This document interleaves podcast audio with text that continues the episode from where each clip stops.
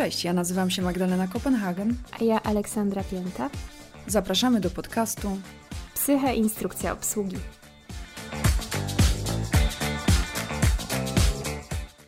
Rozmawiałyśmy już o zaburzeniach lękowych, o tym, czym zajmuje się psychoterapeuta mm, i lekarz psychiatra, a dzisiaj nastał moment, kiedy poruszymy temat, który jest e, zarówno mnie, jak i Oli bliski sercu, a mianowicie hipnoza. Staje się ona coraz bardziej popularna i coraz więcej osób zaczyna się nią interesować i korzysta z jej skuteczności. Jednak wciąż istnieją mity i nieporozumienia na jej temat, a te mity wynikają z tak zwanej hipnozy scenicznej. Hipnoza sceniczna polega na zapewnieniu odwiedzającemu najbardziej spektakularnej możliwej atrakcji i przekonaniu go, że hipnoza jest czymś nadprzyrodzonym, magicznym. Często odnosi się wrażenie, że hipnotyzer ma władzę nad człowiekiem i że jest on na jego łasce. Są to świadome i systematycznie tworzone efekty, które nie mają nic wspólnego z samą hipnozą czy zastosowaniem terapeutycznym. Właśnie wielu z nas hipnoza kojarzy się z magią, manipulacją, ściemą, takim wyciąganiem kasy. Patrząc na medialny obraz hipnozy, no wcale mnie to nie dziwi. I jeszcze dodatkowo fakt, że na rynku jest po prostu, wiecie, wielu oszustów bez żadnego przygotowania terapeutycznego, którzy po jakimś weekendowym czy kilkudniowym kursie posługują się no, gotowym skryptem do każdego pacjenta i absolutnie każdego problemu. I co najgorsze, oczywiście pomijając jakąkolwiek diagnostykę tej osoby, no bo nie mają takiej wiedzy, żeby to robić niewykluczone, że właśnie stąd pochodzą wasze złe doświadczenia, bo ja wielokrotnie słyszałam, że właśnie czuliście się oszukani, że ta hipnoza na was nie działała i mogę powiedzieć tylko tyle, że jest mi przykro, że tak trafiliście. No bo w sumie dlaczego miałoby być inaczej, skoro nie ma skąd czerpać rzetelnej wiedzy na ten temat i faktycznie technika ta może się kojarzyć z jakimś takim terapeutycznym podziemiem. Powstaje pytanie, czy uznaje się hipnozę jako metodę terapeutyczną? To pytanie jest bardzo często zadawane i od razu powiem tak. Po tym, jak hipnoza była od dziesięcioleci praktykowana jako uznana procedura w innych krajach, e, takich jak Stany Zjednoczone czy Anglia, to w 2006 roku mogła również dołączyć do grona naukowo udowodnionych metod terapeutycznych w Niemczech. Według badań przeprowadzonych przez Uniwersytet w Tübingen istnieją dowody na skuteczność następujących zaburzeń: fobie, PTSD, czyli zespół stresu pourazowego, otyłość, zaburzenia snu, cała nasza psychosomatyka, zaburzenia seksualne, ostry i przewlekły ból, palenie, moczenie nocne. Według ekspertyzy naukowej Rady Doradczej do spraw psychoterapii, hipnoterapia dorosłych jest naukowo uznana za leczenie w następujących obszarach zastosowania: czynniki psychologiczne i społeczne w chorobach somatycznych, uzależnienia, u dzieci w leczeniu bólu, ale również przygotowanie do porodu czy migreny, na które coraz częściej cierpimy. Efekt hipnozy w kontekście zastosowań objętych dostępnymi badaniami w Niemczech jest zatem uważany za naukowo udowodniony. Badania z innych krajów również dowodzą skuteczności w jeszcze większej liczbie obszarów. Ponadto istnieje wiele obszarów, w których efekt hipnozy można uznać za udowodniony zgodnie z doświadczeniem wielu terapeutów. Zatem, moi drodzy, terapia hipnozą, sama hipnoza nie jest ezoterycznym rodzajem nauczania o wątpliwym podłożu, ale procedurą uznaną i udokumentowaną naukowo i psychoterapeutycznie. Tak, bo nie wiem, czy wy wiecie, pewnie część z Was wie, część z Was nie wie, ale Magda większość swojej pracy terapeutycznej pracowała w Niemczech i to jest wspaniałe, że tam hipnoza, hipnoterapia jest po pierwsze regulowana prawnie, jakby nie może ktokolwiek sobie czegoś takiego wykonywać. Jest w szpitalach, no naprawdę ludzie korzystają z takich nieinwazyjnych możliwości i być może kiedyś się doczekamy takiego stanu u nas. No ale na razie przejdźmy do tego, jak to aktualnie wygląda, tak? Jak to jest teraz u nas uregulowane. Czyli nie jest. I tu jest pierwsza pułapka, na jaką trafiacie myśląc o hipnozie, czyli kto w zasadzie może tą hipnozę wykonywać. I przede wszystkim ja wiem, że to może się wydawać trudne, żeby sprawdzać te kompetencje hipnoterapeutów, ale naprawdę nie bójcie się zapytać o certyfikat, żeby ktoś Wam pokazał, żeby Wam opowiedział, jakie ma doświadczenie, bo każda normalna osoba, która nie ma nic do ukrycia, to zrobi, tak? Na przykład powie wam, kim jest z wykształcenia, jakie ma uprawnienia, żeby się zajmować waszym problemem. I takim najłatwiejszym sitem jest to, żeby osoba, do której idziecie na hipnozę, przede wszystkim miała wykształcenie w kierunku takim, jaki jest wasz problem. Czyli na przykład, jeżeli idziecie tam z jakąś chorobą, z jakimś zaburzeniem takim natury medycznej, no to to powinien być zdecydowanie lekarz. Jeżeli to się ociera o takie kwestie ruchu, ciała, może być to też fizjoterapeuta. Jeżeli to są kwestie takie e, położnicze, może to być położna, dietetyk, tak? Na zasadzie to musi być osoba, która również bez tej hipnozy rozwiąże wasz problem. I zadajcie sobie zawsze takie pytanie: czy ja bym się do tej osoby, gdyby ona nie była hipnoterapeutą, czy ja bym się do tej osoby zwróciła o poradę w moim problemie? E, jeżeli tutaj to, co nas najbardziej interesuje, zdrowie psychiczne, Zdecydowanie hipnoterapię, która ma mieć zastosowanie terapeutyczne w psychiatrii, psychologii, powinna być prowadzona przez osobę, która ma wiedzę z tego zakresu, czyli lekarza, psychiatrę, psychoterapeutę lub psychologa. I tutaj myślę, absolutnie nie ma wyjątków. Nie może osoby z depresją prowadzić fizjoterapeuta, mimo że to jest osoba z wykształceniem medycznym jak najbardziej, ale niestety nie w tym kierunku, tak? Dolegliwości ruchowe, ból, jak najbardziej. Fizjoterapeuta również może Wam tutaj hipnozą pomóc, ale nie akurat w naszym przypadku. Też zwracajcie uwagę na to, czy ktoś Wam za dużo nie obiecuje, bo to według mnie jest takim też alarmowym sygnałem, że ktoś Wam na przykład powie, że tak, ja hipnozą rozwiążę wszystkie Twoje problemy. To nie jest prawda Dlatego, że hipnoza, jakby w ogóle sam fakt bycia w hipnozie nie jest leczniczy. Leczy to i jakby wspomaga nas to, co jest tą interwencją terapeutyczną w hipnozie. Bo gdyby było tak, że mm, sam fakt bycia w hipnozie nas leczy, to ludzi by leczyło z różnych zaburzeń, nie wiem, zaczytywanie się w książce, e, zamyślenie się w trakcie dłuższej trasy autem, bo to są też takie nasze naturalne stany, w których jesteśmy w hipnozie. To jeszcze potem za chwilę do tego przejdziemy, czym jest hipnoza. Także przede wszystkim leczą interwencje terapeutyczne, które są łatwiejsze, ponieważ odbywają się w hipnozie. Także wybierajcie osoby, które po prostu rozwiązałyby, rozwiązałyby Wasz problem również bez użycia hipnozy. Tylko być może by to zajęło troszkę dłużej i by było odrobinę trudniejsze.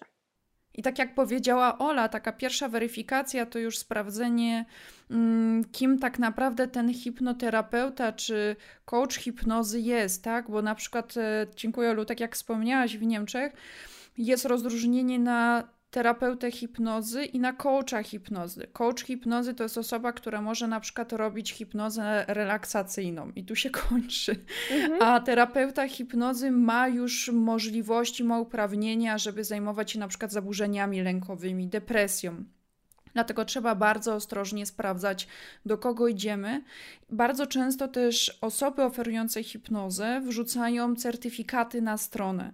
Już nie chodzi o to, że macie sprawdzać co, jaka szkoła, ile dni, ale niekiedy pisze na tym certyfikacie. Ale możecie to sprawdzić. Ale możecie, To możecie to sprawdzić. I na przykład słuchajcie, jeżeli jest jakiś kurs, który trwa 3 dni i pisze stopień podstawowy, 3 dni zaawansowany, i po 6 dniach ta osoba jest terapeutą hipnozy, gdzie mi to zajęło 2 lata, Oli też 2 lata, no to słuchajcie, no nie ma takiej opcji, żeby to w parę dni się nauczyć. Magda, dwa lata i dalsze dokształcanie się, nie? Jakby to jest ważne. Nie ma problemu, żeby kurs trwał kilka dni, ale to może być, wiecie, kurs jakiś tam doszkalający dla osoby, która już się tym zajmuje i która na przykład w jakimś konkretnym, wąskim temacie chce się doszkolić. No to taki kurs faktycznie może trwać kilka dni, nie? Ale nie tak, że się od zera do bohatera uczymy w kilka dni. Dokładnie tak. Zresztą e, z Olą ciągle chodzimy na różne kursy, czytamy różne książki, więc wykształcenie plus e, kształcenie w kierunku hipnozy plus do zajęcia dodatkowe, zajęcia Boże, kursy dodatkowe, też zajęcia dodatkowe. tak więc no nie jest tak, jak mówię, realne nauczyć się tego w pięć dni i mm, pomagać ludziom. No ja bym się bała pójść do kogoś takiego. No, naj, no tak, tylko najgorsze jest to, że e, ludzie się nie boją iść do kogoś takiego, bo nie wiedzą, bo nie mają skąd wiedzieć. Może po naszym odcinku będą troszkę więcej wiedzieli. A ci ludzie, którzy zdobywają te umiejętności w kilka dni, nie boją się tych pacjentów przyjmować. To jest straszne. To jest przerażające, powiedziałabym. Tak więc słuchajcie, ostrożnie wybieramy i weryfikujemy, do kogo chodzimy. Też e, będziemy dzisiaj mówić o mitach i faktach związanych z hipnozą. Kiedyś słyszałam takie zdanie, że hipnoza to droga na skróty. To nie jest droga na skróty. Hipnoza pomaga przyspieszyć pewne efekty psychoterapii. Aby przepracować jakiś problem, potrzeba wielu spotkań klasycznej psychoterapii. Nie da się tego zrobić w pary. A z hipnozą to jest tak, że mm, nie wiem, 10 hipnoz y, na przykład przyspiesza ten proces takich głębo takiej głębokiej pracy, ponieważ w naszej głowie zaczynają się łączyć puzzle. tak na przy przykładowo przy zaburzeniach lękowych, y, pracując parę miesięcy z pacjentką po paru hipnozach w kierunku zaburzeń lękowych, pacjentka zaczęła odczuwać dużo niższe y, lęki i też lepiej zaczęła sobie radzić w życiowych sytuacjach. Ale co to właściwie jest ta hipnoza, Olu? Więc ja tak lubię porównywać hipnozę, tak jak to pacjentom mm, tłumaczę. Więc przede wszystkim, tak czysto technicznie, to jest to taki stan pogłębionej koncentracji. Ja się spotkałam z takim stwierdzeniem, że to jest jakiś odmienny stan świadomości, czy tam nie wiadomo co. Nie, to jest jakby kolejny ze stanów, taki trzeci stan obok snu i czuwania ale ważne jest to, że to nie jest coś pomiędzy. To jest po prostu trzecia jakość. I jest to taki stan, którego każdy z nas doświadcza. To, co właśnie wcześniej mówiłam, tak, że hipnoza, każdy z nas to zna i prawdopodobnie każdemu z nas się to przytrafiło. Na przykład właśnie w takiej sytuacji, kiedy wykonujemy jakąś długą, monotonną czynność. Na przykład, jeżeli jedziemy samochodem do pracy i to jest trasa, którą codziennie rano pokonujemy i potem po południu znowu ją pokonujemy, znamy ją na pamięć i, i na pewno jeżeli macie takie doświadczenie za sobą, to być może Wam się zdarzyło, że jedziecie, jedziecie i nagle jesteście na miejscu i nie wiecie w sumie, kiedy ta trasa minęła. Ale zwróćcie uwagę, że jadąc na drodze, prowadząc samochód, wy cały czas wykonujecie mnóstwo skomplikowanych czynności, bo musicie wciskać gaz, sprzęgło, hamulec. Jeżeli nie jeździcie automatem, to musicie zmieniać biegi, musicie reagować na sytuacje na drodze, inne samochody, światła, pieszych. Więc cały czas jesteście jakby uważni na to otoczenie, jakby to nie jest sen, bo gdybyście spali, to byście nie mogli tego samochodu przecież prowadzić. A z drugiej strony macie takie zaburzone poczucie czasu, tak? Czyli nagle nie wiadomo, kiedy jesteśmy na miejscu. Albo inna sytuacja. Kiedy na przykład czytacie książkę, mi się to często zdarzało jako dziecku, że się potrafiłam tak wkręcić w książkę, że nie słyszałam, że ktoś mnie już woła, nie wiem, na obiad, czy że ktoś coś ode mnie chce, i dopiero za jakimś trzecim razem słyszałam, że ktoś coś do mnie mówi. Albo e, na przykład wydawało mi się, że czytam tą książkę tylko chwilę, a mijał prawie cały dzień. I to również jest takie, no to jest to też hipnoza. I tu wracamy do tego, co powiedziałam wcześniej, że gdyby sam fakt bycia w hipnozie nas leczył, no to właśnie takie rzeczy by powodowały, że nam mijają różne choroby i zaburzenia, a tak niestety nie jest. Jest to taki stan pogłębionej koncentracji, skupienia się na czymś, i jednocześnie jest to taki specyficzny stan psychiczny, który się charakteryzuje zwiększoną podatnością na sugestie. I to jest to, co pozwala nam dotrzeć bezpośrednio do naszej podświadomości i to jest to, dlaczego łatwiej jest nam pewne rzeczy zrozumieć, wdrożyć, wpoić pacjentowi w hipnozie, niż bez tego stanu zwiększonej podatności. E, to jest też taki stan zwiększonej zdolności do uczenia się. I taka technika, dzięki której można osiągać różne wewnętrzne zmiany w krótszym czasie, i jest taką szczególnie głęboką formą komunikacji między pacjentem, terapeutą i też między pacjentem a jego świadomością i podświadomością, bo wtedy możemy sięgnąć do różnych takich podświadomych treści i spowodować, że one staną się świadome, tak, że my jakby zaczniemy się z nimi komunikować. Ja też tak bardzo lubię pacjentom tłumaczyć, że bo każda hipnoza jest w zasadzie autohipnozą, czyli ja, jeżeli tego pacjenta wprowadzam w hipnozę, to jestem tylko takim przewodnikiem, natomiast ten proces, podobnie jak zresztą w psychoterapii całej, zachodzi w pacjencie. I lubię to porównywać do nauki jazdy na rowerze. Czyli najpierw ja tam trzymam tego pacjenta za błotnik, żeby on się na tym rowerze rozpędził dwukołowym, bez dodatkowych kółeczek trzymam go tam, żeby załapał o co chodzi, i w momencie, jak już pacjent się rozpędzi, no to ja mogę ten rower puścić, a pacjent pedałuje sam. I ja już tylko wspomagam ten proces, kieruję nim. E, I też właśnie to chyba ma związek z tą hipnozą sceniczną, albo nie wiem, może takimi mitami, że wydaje nam się to czymś takim magicznym, owianym tajemnicą. I ja też zawsze mówię pacjentom, że hipnoza um, nie wymaga ukończenia Hogwartu ani ode mnie, ani od nich i że nie ma w tym nic magicznego, że to jest naturalny stan, biologia i że jedyne, czego oni potrzebują tak technicznie, żeby w tą hipnozę wejść i wziąć w tym udział, to jest po prostu zgoda taka wewnętrzna na fakt, że będą w hipnozie. I to jest jakby wystarczające, jeżeli chodzi o jakieś umiejętności pacjenta i, e, i hipnozę. I wzajemne zaufanie, prawda, że nic się nam nie stanie. O, to bardzo ważne, oczywiście, tak. Jeszcze uzupełniając to, co Ola powiedziała, e, tak jak podkreśliłaś, że jest to zwiększona podatność, jest to taki stan psychiczny charakteryzujący się zwiększoną podatnością, dodam na takiego, użyję słówka na sugestie. Jest to technika, której możemy użyć bezpośrednio do podświadomości.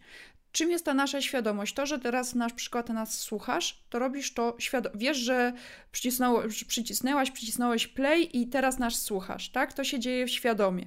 Ale podświadomie to jest to wszystko, to jest te 90% tych informacji, które dostajemy. I w momencie, jak my robimy hipnozę, to mamy bezpośrednio możliwość komunikowania się właśnie z Twoją podświadomością. Tak więc jest to technika, dzięki której możemy osiągnąć wewnętrzne zmiany w krótszym czasie, dzięki właśnie tej głębokiej formie komunikacji. Tak naprawdę to tylko mały wybór typowych odpowiedzi, które są regularnie udzielane na pytanie, czym jest właściwie hipnoza. Ja też się spotykam z takim e, zarzutem, okazjonalnie, no nie powiem, że często, ale okazjonalnie, że hipnoza jest właśnie takim altmedem, szamaństwem, gdzie na to badania i Także śpieszę tutaj z odpowiedzią, że owszem, jest to metoda, tak jak Magda wcześniej mówiła, e, w Niemczech zupełnie naukowa. Natomiast w Polsce e, no ona nie jest powszechnie stosowana, natomiast również jest uznana, dlatego że przy Polskim Towarzystwie Psychiatrycznym jest sekcja hipnozy terapeutycznej, która jasno określa, jakie wykształcenie ma mieć hipnoterapeuta e, i wszystkie zasady prowadzenia hipnoterapii. Poza tym hipnoza i zjawiska transowe są elementem certyfikowanej, uznanej szkoły psychoterapii. Chodzi o nurt eriksonowski. I to są terapeuci uznawani przez Polskie Towarzystwo Psychologiczne i Psychiatryczne. E, to są ci tak zwani właśnie certyfikowani psychoterapeuci, o których tu zawsze mówimy, żebyście ich poszukiwali. Więc jeden z tych nurtów właśnie się na hipnozie też opiera. E, także EMDR, czyli mm, taka terapia, która polega na bilateralnej stymulacji mózgu, no to już może jest temat na odrębny odcinek. W każdym razie jest to taka terapia, która też długo sobie torowała drogę do tego, żeby być uznaną, natomiast aktualnie jest e, rekomendowana wręcz przez WHO do leczenia traumy. Natomiast tak naprawdę jej zastosowanie jest w wielu różnych sytuacjach. I ta bilateralna stymulacja, no mogę to powiedzieć, bo jakby znam obie metody, E, jest takim jakby małym wycinkiem hipnozy, tak? To jest też coś, co my w hipnozie robimy. Oczywiście hipnoza nie jest tym samym co EMDR, ale przynajmniej częściowo bazuje na podobnych zjawiskach, tak? I też właśnie, no mówię, akurat EMDR jest rekomendowany przez WHO. E, no i hipnoterapia, może to powiem jako ciekawostka, jest rekomendowana akurat, y, tutaj może zaskoczenie, akurat w gastrologii, nie w psychiatrii póki co, ale w gastrologii, w leczeniu jelita drażliwego. I tutaj dla koneserów badań jak najbardziej wszystko się zgadza. Metaanalizy, czyli to jest tak tłumacząc najwyższy dowód naukowych, czyli takie zebrane dane na bardzo dużych grupach pacjentów z dobrze przeprowadzonych badań.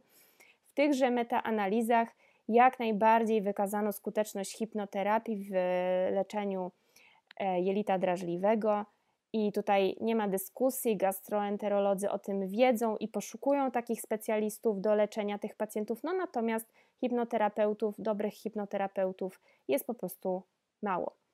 E, I chciałam też podkreślić, że hipnoza nie jest takim wyłącznym leczeniem. To jest technika mm, terapeutyczna, która, okay, być może w takim rozwoju osobistym, wiecie, jakimś takim samopoznaniu, owszem, no to to może być wyłączna metoda, czy tak jak Magda wcześniej powiedziała, do relaksacji na przykład. Ale jeśli mówimy o jakimś problemie natury medycznej, no to my zawsze to proponujemy jako jakaś opcja wspomagająca, tak? Czyli dopiero po konsultacjach, jeżeli wykluczymy konieczność jakiegoś innego leczenia, albo decydujemy się na to leczenie takie standardowe, tak, czyli leki, psychoterapię itd., tak itd., tak to jest to coś, co możemy dołączyć. Natomiast nigdy nie mówimy, nie wiem, pacjentowi z ciężką depresją, że no, są leki, ale leki mają działania niepożądane, to może hipnoza zamiast tego, tak? No to w ogóle jakby nie ma takiej możliwości. Także może przejdźmy do tego, w czym tą hipnozę możemy zastosować, a gdzie jej zdecydowanie nie możemy zastosować. Jeszcze tylko e, dopowiem, że w rzeczywistości hipnoza nie, nie powinna być postrzegana jako jednolita technika, ale raczej jako zbiór różnych technik i procedur, które mają na celu wytworzenie transu hipnotycznego. Różne techniki, ponieważ nie każdy trans, nie każdy przypadek jest taki sam. Techniki hipnozy różnią się, tak samo różnią się stany transu, które można dzięki nim osiągnąć. I to rozróżnienie można podzielić nie tylko na trans lekki, średni, głęboki, ale można je również podzielić na relaksacyjny, tak jak wspomniałyśmy, interaktywny, czyli z, z użyciem obrazu, trans wzmocniony aktywnością. Tak więc to jest bardzo szeroki wachlarz możliwości i technik, o których na przykład EMDR, który Ola wspomniała ale na co stosować jako takie już podsumowanie, ponieważ e, wymieniłyśmy niektóre mm, choroby i, i przypadki, w których stosujemy hipnozę, ale teraz takie właśnie podsumowanie. Czyli uwolnienie się od stanów lękowych, nerwicy, fobii, przykład lęk wysokości, klaustrofobia e, czy strach przed lataniem. Świetne efekty przy zespole stresu pourazowego PTSD traumy wszelkiego rodzaju. Tutaj hipnoza, ale też właśnie EMDR, który praktykuje Ola. Traumatyczne przeżycia, na przykład wypadki, również traumatyczne przeżycia z dzieciństwa, trauma wynikająca z molestowania czy doświadczania przemocy. Wspierająco przy leczeniu chorób po podłożu psychosomatycznym. No tutaj mamy już dużo możliwości: astma, alergie, choroby skóry, wrzody żołądka reumatoidalne zapalenie stawów, bóle chroniczne, zaburzenia hormonalne, na przykład przy MOW, jak utracimy miesiączkę. Jako forma znieczulenia u dentysty lub przy robieniu na przykład tatuaży, co jest, nie ukrywam, moją. E, dla mnie jest to wielka zaleta, ponieważ mam ich parę. ale też tak typowo psychoterapeutycznie praca z dzieckiem wewnętrznym, przy procesie samoakceptacji, poczuciu własnej wartości, pewności siebie, wybaczaniu, regulacji emocji, ale na przykład w sporcie. Coraz więcej psychologów sportowych używa technik hipnozy, już nie tylko wizualizacji, ale stricte hipnozy, żeby osiągać jeszcze lepsze wyniki żeby rzucić palenie lub inne nałogi, wspierająco przy odchudzaniu. I tu słuchajcie, przy odchudzaniu to nie jest tylko to, że wy przychodzicie na hipnozę dotyczącą odchudzania. Hi e, odchudzanie zawsze jest to szerszy temat i konieczna jest rozmowa, konieczna jest szersza diagnostyka, ponieważ jeżeli ktoś przychodzi do, do mnie czy do Oli na hipnozę związaną z odchudzaniem, to konieczny jest wnikliwy wywiad, diagnostyka, ponieważ może się zdarzyć, że cierpi dany człowiek na zaburzenia odżywiania. I w tym momencie taka hipnoza może pogorszyć stan, a nie pomóc. Dlatego też ostrożnie. Ale na przykład hipnoza pomaga w walce ze stresem, przy wypaleniu zawodowym, lub też tak typowo rozwojowo zwiększeniu motywacji kreatywności. Ja bym powiedziała jeszcze, bo to jest bardzo ważne, co powiedziałaś o tych zaburzeniach odżywiania i może to jest taki ważny właśnie sekret hipnozy, że generalnie jak przychodzicie z jakimś problemem, już trzymajmy się tego odchudzania i mówicie chcę schudnąć, to to nie jest tak, że hipnoza polega na tym schudnij, dziękuję, koniec hipnozy tylko no, ponieważ właśnie sama hipnoza nie leczy, tylko ta interwencja terapeutyczna, to ona musi być dopasowana i w zasadzie z każdym problemem, z jakim przyjdziecie, czy to będzie e, chcę schudnąć, czy to będzie nie mogę spać, czy to będzie boli mnie brzuch i nie wiem dlaczego, bo jem zdrowo, gastrolog nic nie znalazł, jestem zdrowa, a boli. Cokolwiek to nie będzie, musi być wywiad i musi być diagnostyka, bo nie polega hipnoza tylko na takim usunięciu objawów ciemno, bo może dojść do takiej sytuacji, że to usunięcie pozorne objawu będzie skutkowało przeniesieniem objawu, czyli na przykład przestanie Was boleć brzuch, ale zacznie Was boleć, nie wiem, głowa, tak? Bo jest jakiś tam konflikt, już tak polecę zupełnie po prostu, wiesz, stereotypowo, ale nie, macie konflikt z matką, tak? I tak naprawdę to o to chodzi, no ale jakiś mądry hipnoterapeuta Wam zmniejszył ból brzucha i teraz macie ból głowy, bo Wasz problem nadal pozostaje nierozwiązany.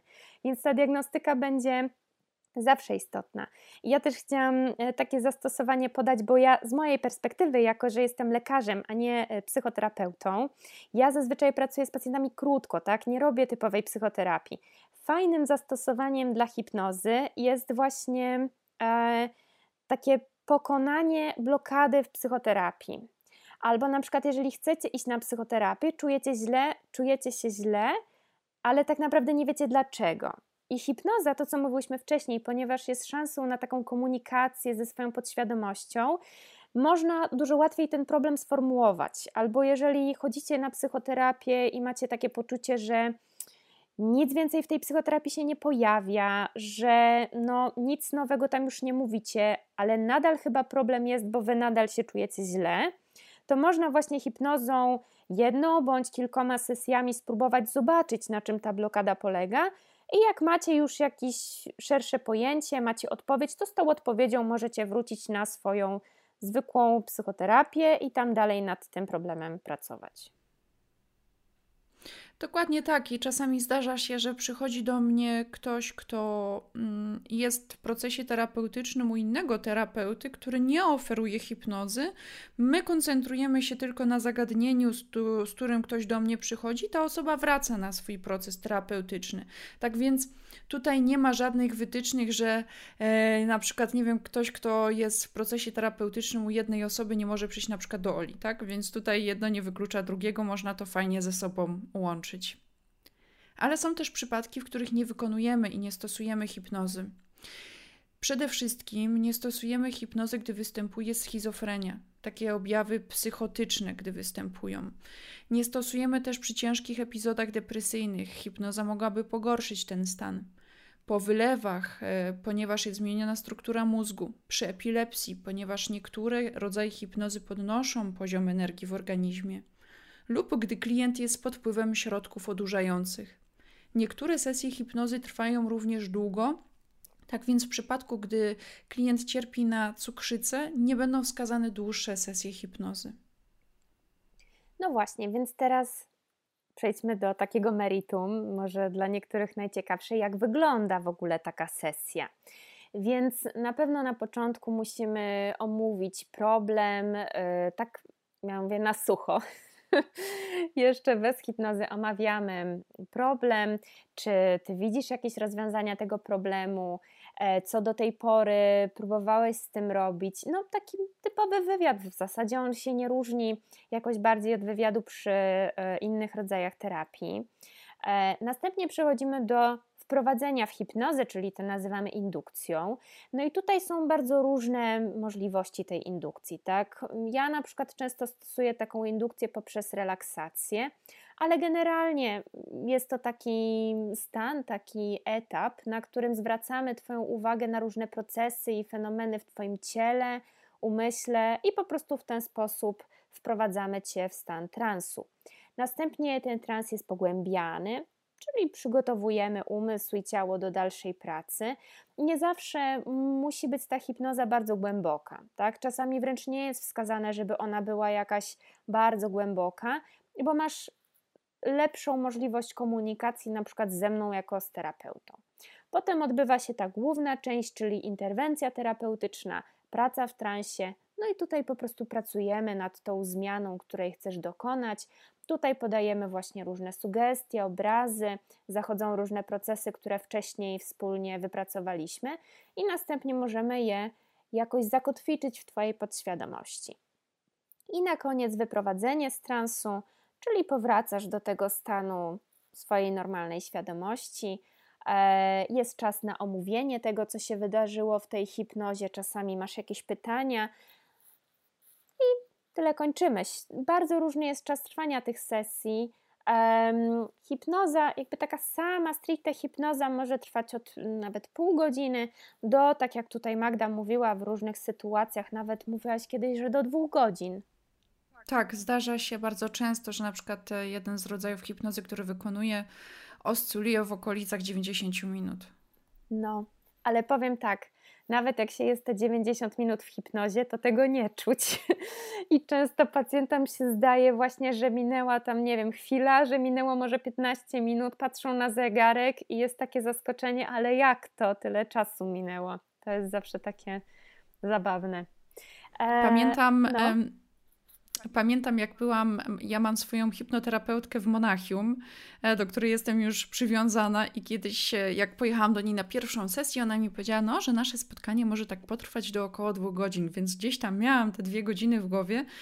Słuchajcie, jak e, Otworzyłam oczy i pamiętam, że poszłam potem do ubikacji i patrzę za oknem, a tam było ciemno.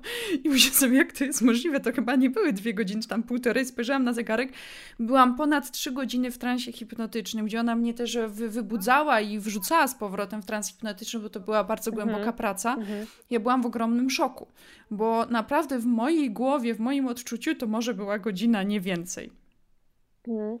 A powiedz, często um, też pada takie pytanie, czym się właściwie różni na przykład medytacja i hipnoza? Bo jest wiele rzeczy, w których one są do siebie podobne, ale co odróżnia hipnozę, wiesz, od takiej zwykłej medytacji? Już na samym początku podkreśliłaś, opowiadając, czym jest hipnoza, że jest to pogłębiony stan koncentracji. I też jest to taki, gdzie w hipnozie na przykład jesteśmy podatni na sugestii, koncentrujemy się na danym zagadnieniu, w medytacji otwieramy się na świat. Stara nie wiem, czy kojarzycie takie obrazki, gdzie siedzi osoba w, medytująca i naokoło niej są różne kolory, albo na przykład też te, ta sama pozycja do medytacji jest taka, że otwieram się na to, co jest wokół mnie a w hipnozie koncentruje się na czymś. Czyli tutaj jest to skoncentrowana uwaga, a tutaj jest jakby rozproszona uwaga, to tak najprościej mówiąc, ale nawet wprowadzenie w trans hipnotyczny, o którym opowiadałaś, to już jest troszkę przypomina medytację. Nawet samo skanowanie ciała jest na granicy medytacji, hipnozy trening autogeniczny Szulca, który jest często zalecany jako forma relaksacji, to jest cienka granica medytacji, hipnozy, ponieważ w, właśnie w treningu autogenicznym dostajemy sugestię: Twoja ręka jest ciężka. Czujesz ciężkość swojego ciała, temperaturę, tak więc główna różnica sugestia, brak sugestii, koncentracja na coś konkretnego i właśnie na cały mhm. świat otaczający. Mhm. Okej. Okay. To co, na koniec omówimy takie najczęstsze fakty i mity może? Takie smaczki. Takie smaczki, dokładnie. Więc e, na przykład e, to z tym wizerunkiem takim scenicznym hipnozy, myślę, się wiąże w dużej mierze, że hipnoza to jest przejęcie kontroli nad pacjentem i jakieś sterowanie jego zachowaniem, właśnie taka manipulacja. Więc to jest oczywiście mit. Wszystkie te rzeczy, które tu będziemy omawiać, będą mitami e, i będziemy je prostować. Więc w trakcie hipnozy zwiększa się faktycznie podatność na sugestie, ale tylko takie, które są zgodne z takim filtrem molar... ale tylko takie, które są zgodne z filtrem moralnym pacjenta. Czyli coś, co kompletnie jest niezgodne z wami, z waszymi motywacjami, absolutnie nie ma szansy na przejście. I taka osoba e, w czasie hipnozy no, ma jednak kontrolę nad swoim zachowaniem i takie podanie niezgodnej z Twoim przekonaniem sugestii automatycznie wytrąca z hipnozy. Zdarza się nawet tak, że jeżeli hipnoterapeuta użyje jakiegoś słowa, które jest dla pacjenta no, kompletnie spoza jego rejestru, tak, że on by tak w życiu nie powiedział, że mu to słowo zupełnie nie leży, to czasami też się zdarza, że nawet taka rzecz potrafi wytrącić z hipnozy. E, I też z kolei tak może trochę przekornie, że e, właśnie przejęcie kontroli nad zachowaniem, podam przykład rzucania palenia, bo to jest fajne. E, czasami z tym rzucaniem palenia hipnozą to jest taki trochę śliski temat o tyle, że czasami w hipnozie się okazuje, że pacjent jednak tak naprawdę y, lubi palić i wcale nie ma ochoty tego rzucać. W związku z tym nawet hipnozą nie jesteśmy w stanie go do tego zmusić, tak? Oczywiście to nie wyklucza dłuższej pracy hipnozą nad rzucaniem palenia, czyli no jakby nie samo to rzucanie, tylko wypracowywanie jakichś tam, nie wiem, zdrowotnych nawyków i tak dalej. I być może na koniec tej długiej drogi stricte hipnoza na to, że rzucanie palenia, jak ten pacjent będzie już w stanie jakieś alternatywy e, znaleźć i będzie miał tą wewnętrzną motywację do rzucenia palenia. To wtedy ok, tak? Bo czasami ktoś nie może rzucić palenia, bo ma objawy odstawienne, bo się czuje drażliwy, ale naprawdę chce. No ale problem się pojawia, kiedy pacjent tak naprawdę w głębi siebie nie chce, bo rzuca palenie, bo nie wiem, bo żona krzyczy, bo coś tam, bo lekarz kazał, ale on w sumie nie chce i wtedy nie jesteśmy w stanie wbrew woli pacjenta go zmusić do tego rzucenia palenia. Takim związanym też z tym sterowaniem zachowaniem mitem jest to, że hipnozą właśnie można kogoś do czegoś zmusić nie zrobisz w hipnozie niczego, czego nie zrobiłbyś w jakiejś normalnej sytuacji. Więc hipnoza może oczywiście wzmocnić Twoje wewnętrzne zasoby, tak żebyś Ty osiągnął swoje cele i takie zachowania zgodne z Twoją wolą, moralnością, motywacją. Tak? Czyli czasami na przykład, nie wiem, ktoś chce zaśpiewać piosenkę przed publicznością, ale bije mu szybko serce, wstydzi się, ogarnia go panika, no to wtedy jak najbardziej jesteśmy w stanie tą hipnozą pracować nad tym, żeby ta piosenka przed publicznością się udała i żeby ktoś ją mógł bez problemu wykonać. Ale jeżeli ktoś na przykład, nie wiem, obawia się, że e, zmuszę kogoś do udawania kurczaka, a on nie ma ochoty udawać kurczaka, to jak najbardziej tego um, nie zrobię. Też taki mit, że hipnoza jest niebezpieczna. I tu to jest takie troszkę z pogranicza, bo w zasadzie sama hipnoza, ponieważ jest naturalnym dla nas stanem, jest jak najbardziej bezpieczna. To jest tak, jakbyśmy powiedzieli, że nie wiem, sen jest niebezpieczny. No nie jest. Więc tak samo hipnoza nie jest niebezpieczna, jest całkowicie bezpieczna, jest taką wspomagającą metodą, która w zasadzie jest no, pozbawiona jakichś skutków ubocznych, natomiast gdzie jest to zagrożenie? Że hipnoza w rękach takiej niedoświadczonej osoby może opóźniać postawienie właściwej diagnozy, podjęcie właściwego leczenia, bo na przykład traficie do osoby, która umie Was wprowadzić w hipnozę, ale jakby nie ma żadnej wiedzy dotyczącej Waszego problemu i po prostu nie będzie w stanie tego właściwie rozpoznać i nie pokieruje Was na czas do lekarza, nie będzie w stanie ocenić, że nie wiem, że może ten ból brzucha, który macie, to jest dlatego, że macie zapalenie wyrostka, które tam kwitnie, a nie dlatego, że macie jakąś psychosomatykę, tak? Więc tutaj z tym się wiąże to niebezpieczeństwo, tylko i wyłącznie, że po prostu traficie w ręce osoby, która Wam obiecując gruszki na wierzbie, opóźni faktyczną yy, diagnostykę. No i yy, o tym już mówiłyśmy, że hipnoza jest takim wspomagającym leczeniem i jakby może być wspomagająca w kontekście psychiatrii, zaburzeń psychicznych, e, wspomagająca do psychoterapii, wspomagająca do leczenia farmakologicznego, ale oczywiście, jeżeli któraś z tych form jest pacjentowi potrzebna, to absolutnie hipnoza jej nie zastąpi i nie spowoduje, że będziemy mogli zrezygnować z innych, mm, bardziej właściwych na dany moment form leczenia. Dodałabyś coś jeszcze? Na pewno. Tak, tak, tak. Właśnie w kwestii tego, że nie zrobicie nic, czego byście normalnie nie zrobili, chociażby pytanie, które ja często dostaję, czy podam ci PIN do mojej karty kredytowej. Moi drodzy, gdyby tak było, to teraz ja i Ola nie nagrywałybyśmy tego podcastu. Tylko siedziały gdzieś na bali, popijając drinki za wasze pieniądze. tak więc nie. Stety, niestety tak to nie działa. tak więc jest to mitem, że będziecie zdradzać nam swoje tajemnice. Zawsze powtarzam, hipnoza to nie jest narkoza. Nadal wiesz, co się z tobą dzieje, gdzie jesteś i co mówisz. Tak więc to jest taki mit. Kolejny mit, czy zapomnę, jak się nazywam. Słuchajcie, no faktem jest, że jest coś takiego jak amnezja hipnotyczna i posthipnotyczna, czyli jest to wybiórcze wymazywanie pamięci, które stosuje się w sytuacjach, na przykład gdy osoba, która do nas przychodzi, doświadczyła traumatycznych przeżyć, mm, które wymagają na przykład wymazania tego z pamięci. Jest to oczywiście możliwe. Mm, a propos tej scenicznej, czyli ja no tak dla zabawy możemy sprawić, że na chwilę zapomnicie swoje imię, jakąś liczbę, że licząc, nie wiem, do, e, do pięciu będziecie pomijać zawsze liczbę na przykład cztery, ale jest to określone w czasie poprzez tylko sugestie. Też e, to, co Ola wspomniała, czy będę myśleć, że jestem kurą, no to też jest hipnoza sceniczna. Idąc na takie przedstawienie związane z hipnozą, już wyrażamy zgodę, już wasza podświadomość wie, ok, tutaj będzie hipnoza, będzie zabawa, będzie fan. Tak więc to też jest tylko określone w czasie, to nie będzie trwało bardzo długo, tylko po prostu na potrzebę chwili. To tak naprawdę tyle z takich głównych e, obaw, które mamy.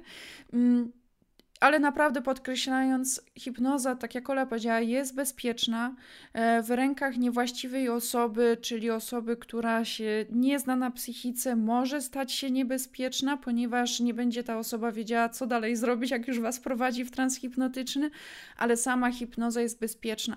Też jeszcze a propos jednego mitu, teraz mi się przypomina, czy hipnozy w dzisiejszych czasach online są bezpieczne. Powiem tak, e, są możliwe ja głównie robię na żywo, ale jest to też bezpieczne. To nie jest tak, że jak łącze internetowe się za, zatnie i wy już zostaniecie w tej hipnozie. No nie, no po prostu jak przestanie ktoś do was mówić, to za chwilę i tak otworzycie oczy sami z siebie, po prostu sami się naturalnie wybudzicie z hipnozy.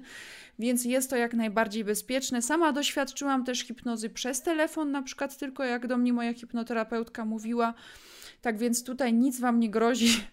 Jest to jak najbardziej bezpieczne. Jeszcze chciałam powiedzieć, że też przy wyborze hipnoterapeuty warto, żebyście się po prostu wcześniej z taką osobą skontaktowali i porozmawiali, czy akurat w Waszej sytuacji dana osoba się tego podejmie, bo tak jak powiedziałam, każdy powinien prowadzić hipnozę w tym, w czym ma doświadczenie, tak? Czyli no może być taka sytuacja, że na przykład, nie wiem, jeżeli jest jakaś bardzo złożona trauma, na przykład też trauma seksualna, tak? No bo to są zazwyczaj pacjenci, którzy wymagają takich różnych oddziaływań, między innymi właśnie EMDR, hipnozy tak dalej, to to też musi robić osoba, która ma szczególnie u takich osób, które no to są bardzo takie wrażliwe tematy, muszą to robić osoby, które mają doświadczenie z takimi pacjentami. Tak więc też nie będzie tak, że każdy hipnoterapeuta, nawet dobry, zajmuje się absolutnie wszystkim. Może tak być, ale nie musi. Żebyście mieli pewność i nie marnowali swojego czasu, to warto jest po prostu zadzwonić, porozmawiać albo napisać maila, opisać na czym polega Wasz problem. No nie musi być w jakichś wielkich szczegółach, ale zarysować i wtedy można na przykład się dowiedzieć, czy dana osoba się podejmuje takiego pacjenta, czy może Wam zaproponuje jakiś na przykład inny sprawdzony adres innego terapeutę, który ma doświadczenie akurat w takiej konkretnej sytuacji. Nic dodać, nic ująć. jeżeli, słuchajcie, jeżeli macie jakieś pytania, wątpliwości, to piszcie do nas, bardzo chętnie odniesiemy się do tego. Jak będzie tych pytań dużo, to nagramy jeszcze jeden odcinek albo zrobimy jakiegoś live'a, mm, na przykład na Instagramie z Olą.